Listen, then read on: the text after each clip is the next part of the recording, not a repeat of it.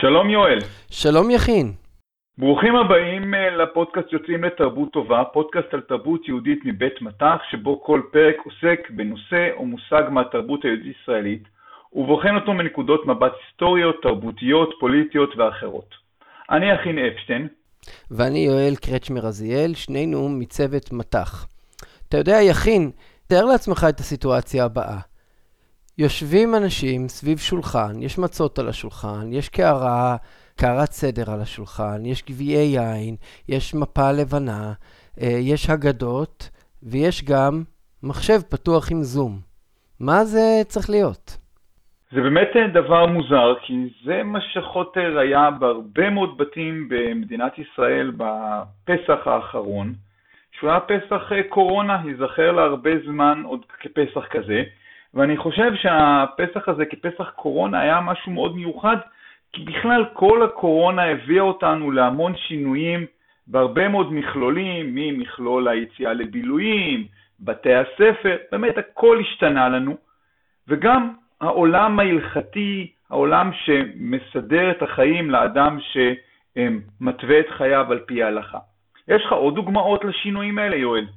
כן, אה, הדוגמה של זום בפסח באמת זכתה לתהודה רבה בתקשורת, אבל למעשה זה רק חלק מחבילה שלמה של שינויים וחידושים בפרקטיקה הדתית סביב התקופה הזאת. למשל, השאלה של אה, קיום מניין, קיום תפילה בציבור. איך לקיים, האם לקיים, האם אפשר לקיים מניין בזום, האם אפשר לקיים מניין במרפסות כשכל אחד עומד במרחק רחוק אחד מהשני. אה, ויש עוד דוגמאות, למשל. אז אה, עוד דבר שאפשר להגיד בו זה בפסח את שרפת החמץ, וברגיל אנשים הולכים ושורפים את החמץ מחוץ לבית, בחצר, באיזה אזור ברחוב, אבל השנה בפסח לא יצאנו, לא יכולנו לצאת לפני פסח, ובאמת שרפת החמץ הייתה בדרכים, או העלמת החמץ, ביעור החמץ, היו בדרכים אחרות. יש לך עוד אה, אירוע כזה? כן, אה, הנושא של טבילה במקווה, בעיקר טבילה של נשים, שיש לה אה, מעמד מאוד משמעותי אה, בהלכה אה, היהודית, גם עבר כל מיני שאלות ומחשבות. האם אפשר בכלל לטבול במקווה במצב כזה ללא חשש הדבקה? האם אפשר לטבול בים ביום ולא בלילה, כי בלילה קצת אה, אה, בעייתי, אה, ועוד שאלות אחרות שנגעו לדברים שאולי הם פחות נראים בציבור, אבל אה, מתחת לפני השטח הם יכולים להיות מאוד מאוד משמעותיים עבור אה, משפחות רבות. למעשה, כל הדברים האלה חוברים יחד אל שאלה גדולה יותר. אנחנו מדברים על שינויים והבדלים בתרבות באופן כללי בעקבות הקורונה, ואנחנו הולכים לבדוק לבדוק היום מה קורה בתרבות ההלכתית, בתרבות של הפרקטיקה הדתית. אילו שינויים אה, עוברת התרבות הזאת בתקופה הזאת של הקורונה, אה, ואנחנו נשאל את עצמנו במהלך הפרק הזה עד כמה הקורונה יכולה לשמש כמקרה מבחן לשינויים אה, ולהתפתחויות בהלכה. אני חושב שמה שאתה אומר הוא מתחבר מאוד לעולם מחקרי שלם שעוסק בשינויי ההלכה. ההלכה מאוד קשה לראות בשינויים.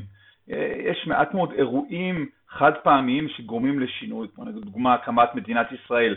רוב הדברים תהליכים ארוכים מאוד שלוקח הרבה מאוד זמן עד שרואים את השינוי, ופה יש לנו הזדמנות שתוך שלושה חודשים חלו המון המון שינויים הלכתיים, אולי לטווחים קצרים, אבל שינויים משמעותיים, שמעוררים ופותחים את כל מיני שאלות גם סביב המוטיבציה לשנות, סביב מאיפה השינוי מגיע, סביב כל מיני דברים שקשה מאוד לראות אותם. אני חושב שהשאלה הראשונה היא בכלל, יואל, מאיפה הדיון הזה מתחיל?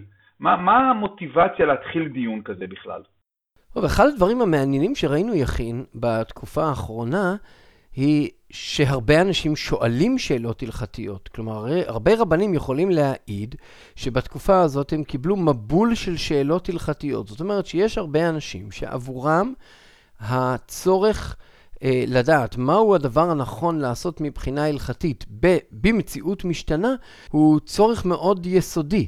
מעבר להיבט ההלכתי, אפשר לראות בזה גם רצון ליציבות. אנשים שמסדירים את חייהם בדרך כלל על פי ההלכה, שזאת השגרה שלהם, יש להם צורך פתאום לומר מהי הדר, מה, מה הדרך הנכונה להסדיר את השגרה בתקופה הזאת. אה, ולכן באמת יש הרבה מאוד שאלות. אה, אבל אז, על גבי זה, אה, צריך לחשוב, מי בעצם זה שנותן את המענה לשאלות האלה?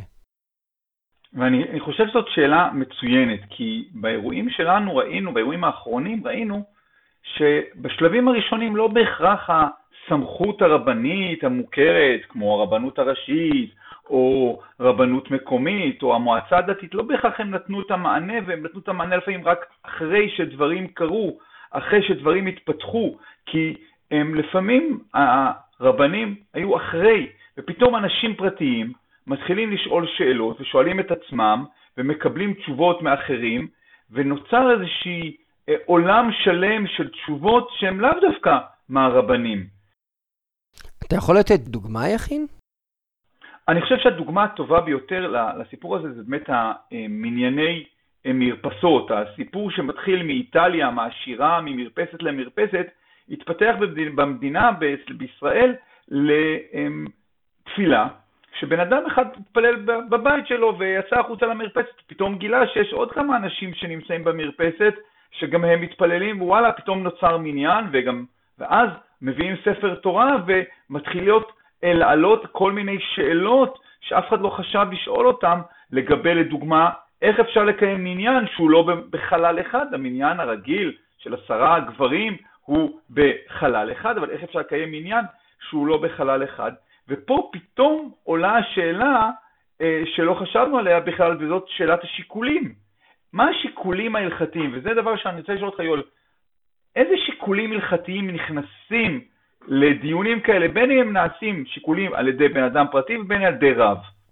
אז ברור שיש כאן כמה סוגים של שיקולים, יכין. יש שיקולים שהם שיקולים הלכתיים פורמליים, זאת אומרת, בדיקת מקורות ההלכה, מה יש למקורות ההלכה לומר על השאלות האלה, איך מגדירים מניין, איך מגדירים ציבור, אה, מהי החובה להתפלל במניין וכיוצא בזה. לכך יש להוסיף את השיקול של פיקוח נפש.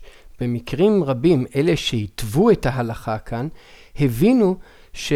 אנשים מעוניינים לקיים טקסים דתיים, מעוניינים להתפלל במניין, מעוניינים לקיים את ליל הסדר, ואם לא יינתנו להם פתרונות מניחים את הדעת, הרי שהם עשויים לעשות את זה באופן שיכול לסכן אותם ואת סביבתם ולתרום להפצת המחלה. ולכן השיקול הנוסף היה כיצד לאפשר מניין או לאפשר טקס אחר בצורה המיטבית מבחינת קיום ההנחיות ושמירה על בריאות הציבור. אבל יש שיקולים שהם יותר שיקולים של מדיניות הלכתית. מה תהיה ההשפעה אם אה, נתיר את זה? מה תהיה ההש... ההשלכה של היתר או של איסור או של קיום תפילה באופן כזה או של תפ... קיום תפילה באופן כזה? למשל, אם אנשים אה, יתפללו בזום, האם גם אחר כך, אחרי שתיעלם הקורונה, אנשים, אה, יהיה להם יותר נוח להתפלל ככה מאשר לבוא לבית הכנסת. זו שאלה שבהחלט יכולה להעסיק אה, רבנים. אותו דבר גם לגבי מנייני המרפסות ומניינים ברחוב, האם הם מאיימים על מעמד בית הכנסת? וזאת שאלה שאפשר לראות שחלק מהרבנים אה, שמשיבים לשאלות בהחלט הוטרדו ממנה. אז זאת אומרת, יש פה שאלות של הטווח הקצר והשאלות של הטווח הארוך, ומעבר לכך, יש גם שיקולים חברתיים. אה, מה יקל על אותם אנשים שנמצאים בבידוד, אותם אנשים שנמצאים בקבוצות uh, סיכון, כאשר כבר אפשר לחזור לבית הכנסת, ורוב הציבור כבר יכול להסתובב בחוץ, מה עם אותם אלה שלא יכולים? האם באמת הרבנים צריכים לתת אה, מענים אה, גם עבורם? אה, יכין, איזה עוד תפקידים אתה רואה לרבנים בתקופה הזאת? אני חושב שבתקופה הזאת אחד הדברים המרתקים זה שפתאום רבנים לקחו לעצמם את תפקיד משרד הבריאות. מה זה אומר? זה אומר ש... אנשים שבאמת רצו לקיים אה, מניין, או רצו להתקהל, או רצו לעשות כל מיני דברים, ובאו רבנים ואמרו להם, לא, עדיף שתישארו בבית, עדיף שתתפללו בלי מניין, תתפללו ביחיד, ולא תצאו אה, להיות בקבוצה, לא תצאו להיות, להיות ולהתערבב. כי, ופתאום השיקול ההלכתי שלכאורה מדבר על תפילה במניין, על לקרוא קריאה בתורה, על דברים שהם מאוד אה, אה, רגילים בחברה דתית מתהפכים והופכים להיות הם, שיקולים בריאותיים, שזה השיקול המוביל. ואני אוסיף לזה עוד משהו של שיקול מכיוון אחר, זה שאתה רואה איך שיקול מתהפך. אם הייתי שואל רב לפני 4-5 חודשים, הייתי שואל אותם, האם מותר להוציא ספר תורה מבית כנסת להתפלל ברחוב? שום פנים ואופן לא, מה פתאום, זה ביזוי של הספר תורה, ופה פתאום הפוך. הרבנים עודדו אנשים להוציא ספר תורה בשביל לקיים את המנייני רחוב בצורה הכי יפה והכי מכובדת, כי זה מה שהיה, לא היה משהו אחר. אתה רואה איך שיקול הלכתי פתאום משתנה כשהסיטואציה משתנה, כשהמציאות משתנה, כי ה... יש פה עיקרון הלכתי מאוד מאוד משמעותי שאני רוצה שתהיה קריאה בתורה, אני רוצה שתהיה תפילה בציבור, גם אם היא נעשית במציאות אחרת לגמרי.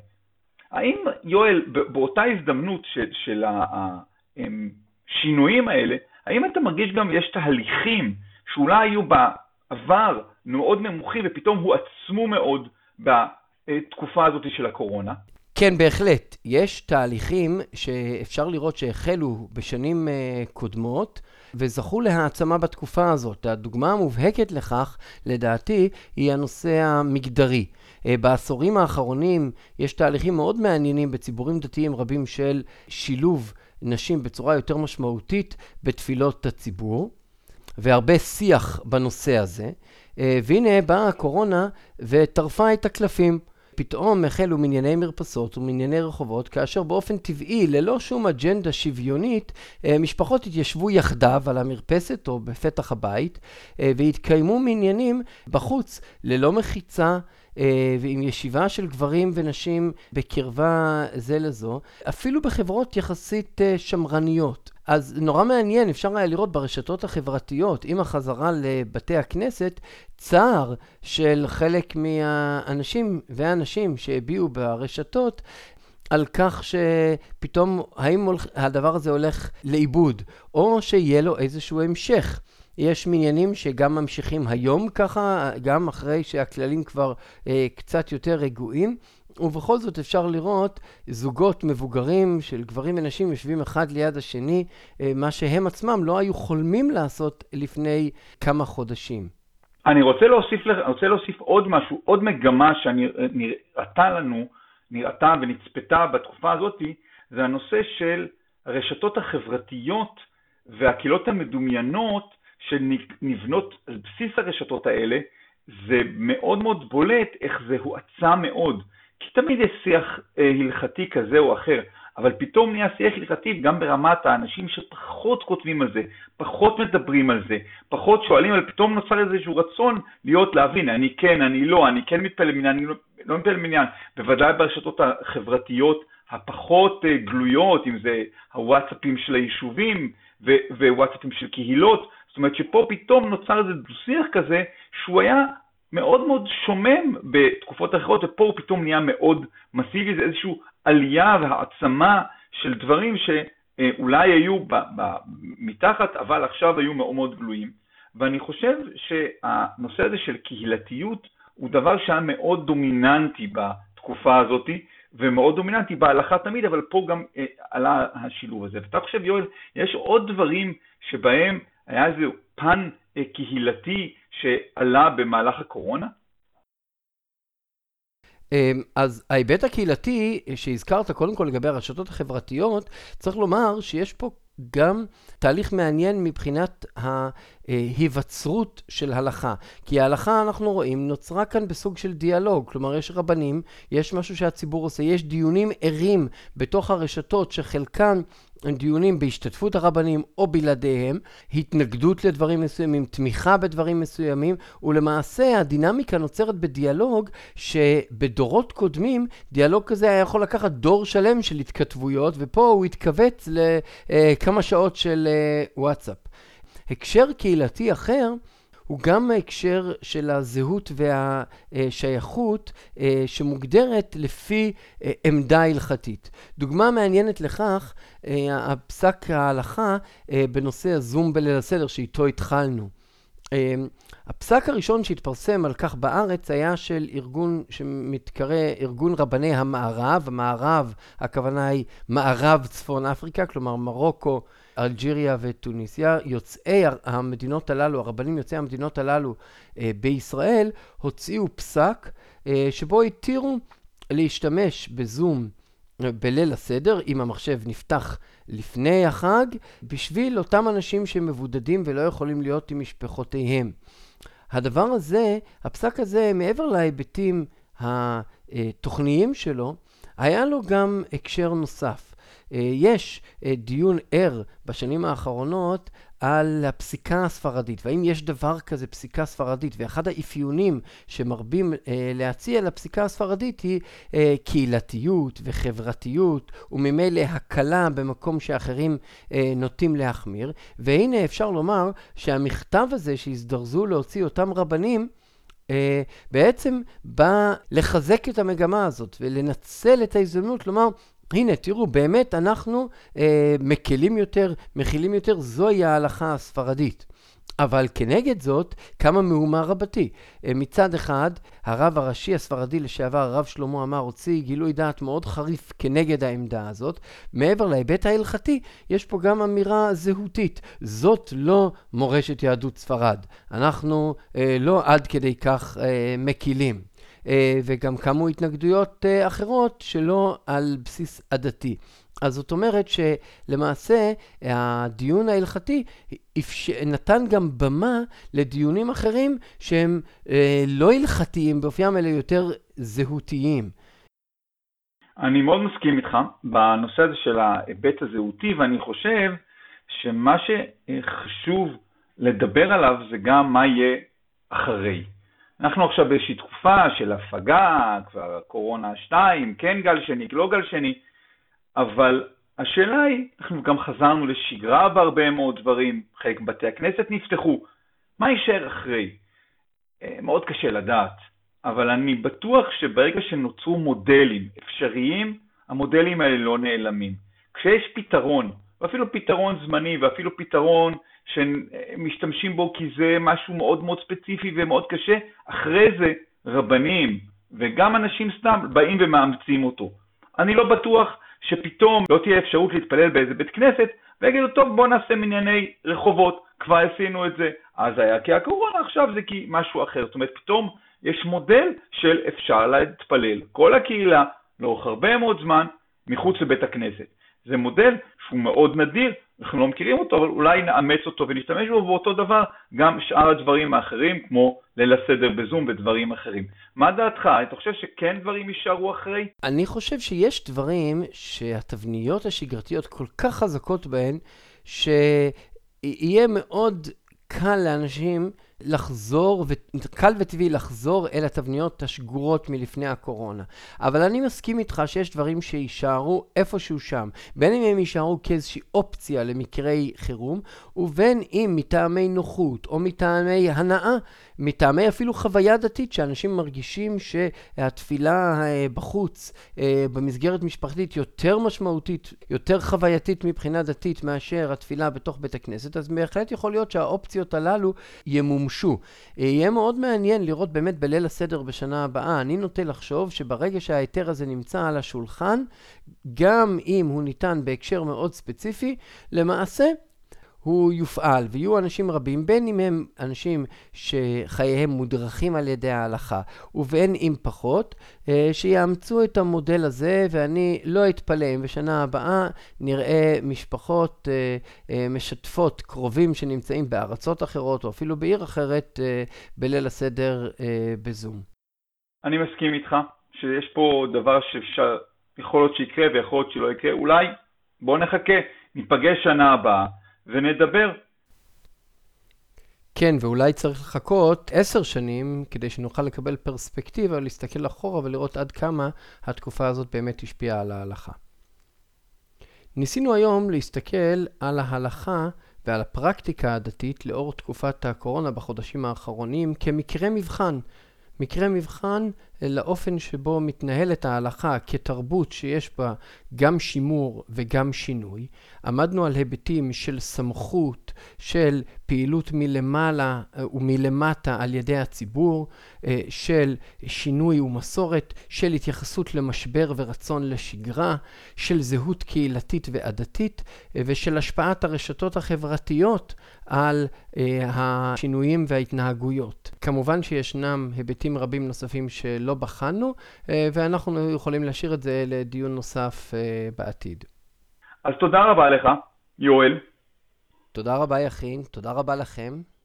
זה היה הפרק השביעי שלנו בסדרה יוצאים לתרבות טובה.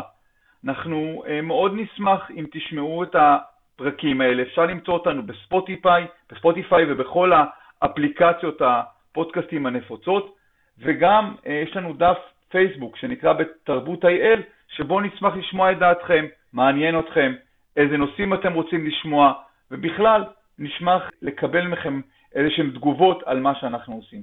תודה רבה. תודה רבה, להתראות.